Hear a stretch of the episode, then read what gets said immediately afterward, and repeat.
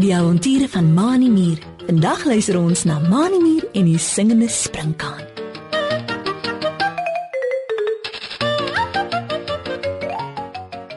Dit is nog vroeg in die oggend. Die voeltjies het net begin chirp in die bome en die sonbesies het nog nie begin met hulle gesuis nie. Driekie Dassie loop opgewonde vinnig met die veldpaadjie af na waar Mani Mier se rooi muurhuisie staan in mense se groot tuin.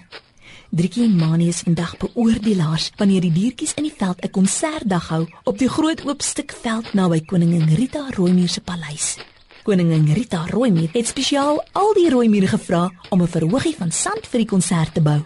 Driekie besluit om sommer vroeg vroeg al vir Mani te kom wakker maak sodat hulle nie laat kom by die konsertplek nie. By Mani Mier se rooimierhuisie klop Driekie aan die neutedop voordeur. Moni, word wakker. Dis ek, Trikkie. roep sy uit en klop weer teen die neutedop voordeur. Hi, jy moet opstaan. Ons gaan vandag konsert hou by die paleis. Word wakker. Driekie wou net weer klop toe die neutedop voordeur oopgaan en Mani Mier daar staan, nog effens deur die slaap en in sy nagklere. Hallo Driekie. Sê Mani en vier die slaap met die vuiste van twee van sy ses rooi muurpotjies uit sy oë. Jy staan baie vroeg hier. Kan ons nie maar 'n bietjie later gaan nie? Driekie Dassie staan en trippel op haar wollerige bene voor Mani se deur. Nee, Moni, ons moet vroeg gaan. sê sy en rek haar oë groot oop soos sy altyd maak as sy iets belangriks wil sê. Omdat ons twee die beoordelaars is, moet ons seker maak dat almal wat wil deelneem nommers kry. Anders raak alles deurmekaar.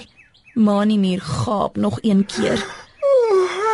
Skud sy kop en draai om om sy nagklere te gaan uittrek en aan te trek vir die konsert. Ek kom jou Driekie. Sê hy met die stap na sy slaapkamer toe. Wag net 'n bietjie. Driekie wag ongeduldig buite Mani se rooi muurhuisie se neutedop voordeur. Sy weet dat baie diertjies aan die konsert gaan deelneem en as sy Mani nie betyds daar is om alles te reël nie, gaan almal later kwaad wees. Driekie loer by Mani se voordeur in en wou net weer vir hom roep toe Mani uitgestap kom, netjies aangetrek met 'n pak klere, das en hoed op sy kop. Daar sê Driekie. Sê Mani, trek homself regop op sy agterste twee rooi muurpote en stoot sy bors uit. Hoe lyk ek vir jou? Is soos 'n beoordelaar. Driekie Dassie, wat self 'n netjie se rokkie aan het met 'n strikkie in haar dassie hare wat agteroor gekam is, glimlag. Jy lyk baie netjies, Moni. sê sy en hak haar een wollerige dassiepotjie by Mani in. Kom, ons moet nou vinnig maak om voor die ander diertjies by die konsertplek te kom. Die twee maats glimlag vir mekaar en stap ewe deftig ingehak by mekaar met die veldpaadjie af na die konsertplek by koningin Rita Rooimier se paleis. By die konsertplek is daar al 'n paar diertjies en goggas wat besig is om te oefen vir die konsert. Mani Mier en Driekie Dassie stap na die tafel waar al die vorms en medaljes lê. Hulle gaan sit op die stoele wat vir hulle reggesit is en begin almal wat aan die konsert gaan deelneem se name neer te skryf en gee vir hulle nommers. Terwyl Mani en Driekie nog so besig is, hoor hulle 'n snaakse skuurgeluid en toe gesnik reg voor hulle. Wat gaan ek 'n stem wat nou net 'n vorm by Driekie ingevul het. Mani Mier en Driekie Dassie kyk op en sien 'n groen sprinkaan voor die tafel staan. Driekie Dassie skuif haar stoel agteruit en staan op. Hoekom is jy so hartseer, sprinkaan? Vra sy en loop om die tafel om te sien of die sprinkaan nie dalk seer gekry het nie. Wat bekeer? Die sprinkaan se gesnik word al hoe harder. Hoor net my stem. Sê die sprinkaan en sak neer op die grond. Ek sing altyd so mooi en wou 'n prys wen op die konsert, maar hoor nou net hoe klink ek. Niemand sal vir my stem nie. Die groen sprinkaan kruip kruip weg van die tafel af en gaan lê op een van die blare wat daar naby van 'n boom afgeval het. Mani Mier het nou ook opgestaan. Hy beduie vir die ander diertjies en goggatjies wat vir die konsert wil inskryf dat hulle net 'n oomblik moet wag. Hy stap na die groen sprinkaan toe en gaan hurk op sy ses rooi muurpotjies langs die blaar waarop die sprinkaan lê. Toe maar spring kan. Moenie so huil nie. sê Mani en wys na hom en Driekie. Ek is Mani Mier en dis my maatjie Trikkie Dassie. Ons is die beoordelaars van die konsert. Miskien kan ons jou help. Die groen springkaan kyk op en vee met 'n poot die trane weg. Ek is Septimus Springkaan. Sê die springkaan, gaan sit regop op die blaar en lig sy twee vlerke in die lug op. Ek weet wie julle is, Mani. Verskoon dat ek my vlerke oplig, maar my twee ore sit mos langs my lyf onder my vlerke. So kan ek julle beter hoor. Septimus springkaan, wikkel sy vlerke op en af en skud sy kop. Ek weet nie hoe dat julle my kan help nie, Mani. Kyk net hoe lyk my een agterpoot. Septimus springkaan lig sy een groot agterse springpoot met die skerp hake daaraan op.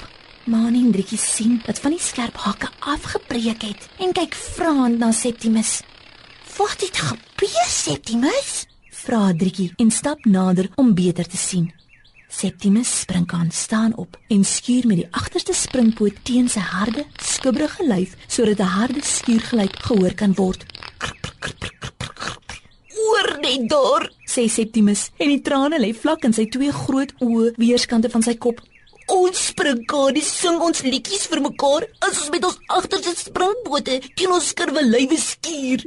Maar ek was so opgewonde om aan die konsert deel te neem en dalk 'n prys te wen dat ek te vinnig met daardie agterste pote gespring het om hier te kom. Toe ek weer sien, spring ek teen 'n skerp klip vas en breek twee van die hake aan my been af. Hoor nou net hoe vals klink my stem. Mani Mier en Driekie Dassie kyk na mekaar. Hoe gaan hulle vir Septimus springkaan kan help en hom troos? Toe kry Mani Mier 'n slim plan. Toe maar Septimus. Hou op, hy. Ek het 'n plan. Sê Mani en stap na 'n stuk boombas wat daar eenkant langs die blaar waarop Septimus springkaan sit, lê. Ek en Trikkie breek van hierdie bas in stukkies net so groot as wat jou hake wat weg is was en dan plak ons dit met boomgom aan jou agterste pote vas, daar waar die regte hake was. En teen die tyd dat die konsert net nou begin, is die gom droog en sit die bas styf vas. Dan kan jy weer mooi sing en aan die konsert deelneem. Septimus springkaan vier die trane met sy voorste twee pote uit sy oë. Miskien kan dit net werk, Mani. sê hy en strek sy een groot agterste springbeen agter hom uit dat Mani en Driekie die plek waar die hakke afgebreek het kan bykom. Mani Mier en Driekie Dassie breek van die bas wat op die grond lê af en skuur dit op 'n klip daar naby totdat dit net so groot en skerp is as die ander hakke aan Septimus se poot. Gou-gou het hulle die bas aan die poot vasgegom. So ja, Septimus. Sê Driekie en vee haar wollerige potjies aan 'n blaar af. Nou kan jy so lank oefen om weer mooi te sing vir die konsert. Die ander deelnemers wag vir my en Mani om hulle vorms te kry. Ons sien jou later. Septimus spring kan nie dadelik begin oefen om met die nuwe bashake aan sy agterste springpoot teen sy lyf te skuur. Eers het dit snaaks geklink, maar na so 'n rukkie het hy al hoe mooier begin sing. Toe Septimus spring kan uiteindelik in die konsert sing, het al die ander diertjies so hard vir hom geklap dat hy 'n goue medalje gewen het. Septimus Springkaan het na die konsert vir Mani Muur en Driekie Dassie 'n klomp lekker soet bessies toegedraai in 'n blaar gebring om dankie te sê dat hulle hom gehelp het. Van die dag af was die drie groot maats.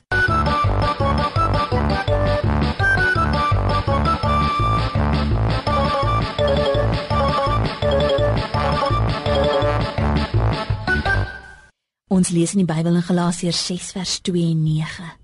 Dra mekaar se laste en laat ons dan nie moeg word om goed te doen nie. As die Bybel sê dat ons mekaar se laste moet dra, bedoel die Here dat ons moet omgee vir mekaar en mekaar moet help as die ander een hartseer en ongelukkig is. So doen ons goed aan mekaar. En dis mos hoe die Here wil hê ons moet lewe. Kyk dan om jou en gaan help jou maatjie of boetie of sussie as hulle ongelukkig is. Tot volgende week wanneer ons weer saam kuier vir nog avontuur saam met Mani Muur. Totsiens.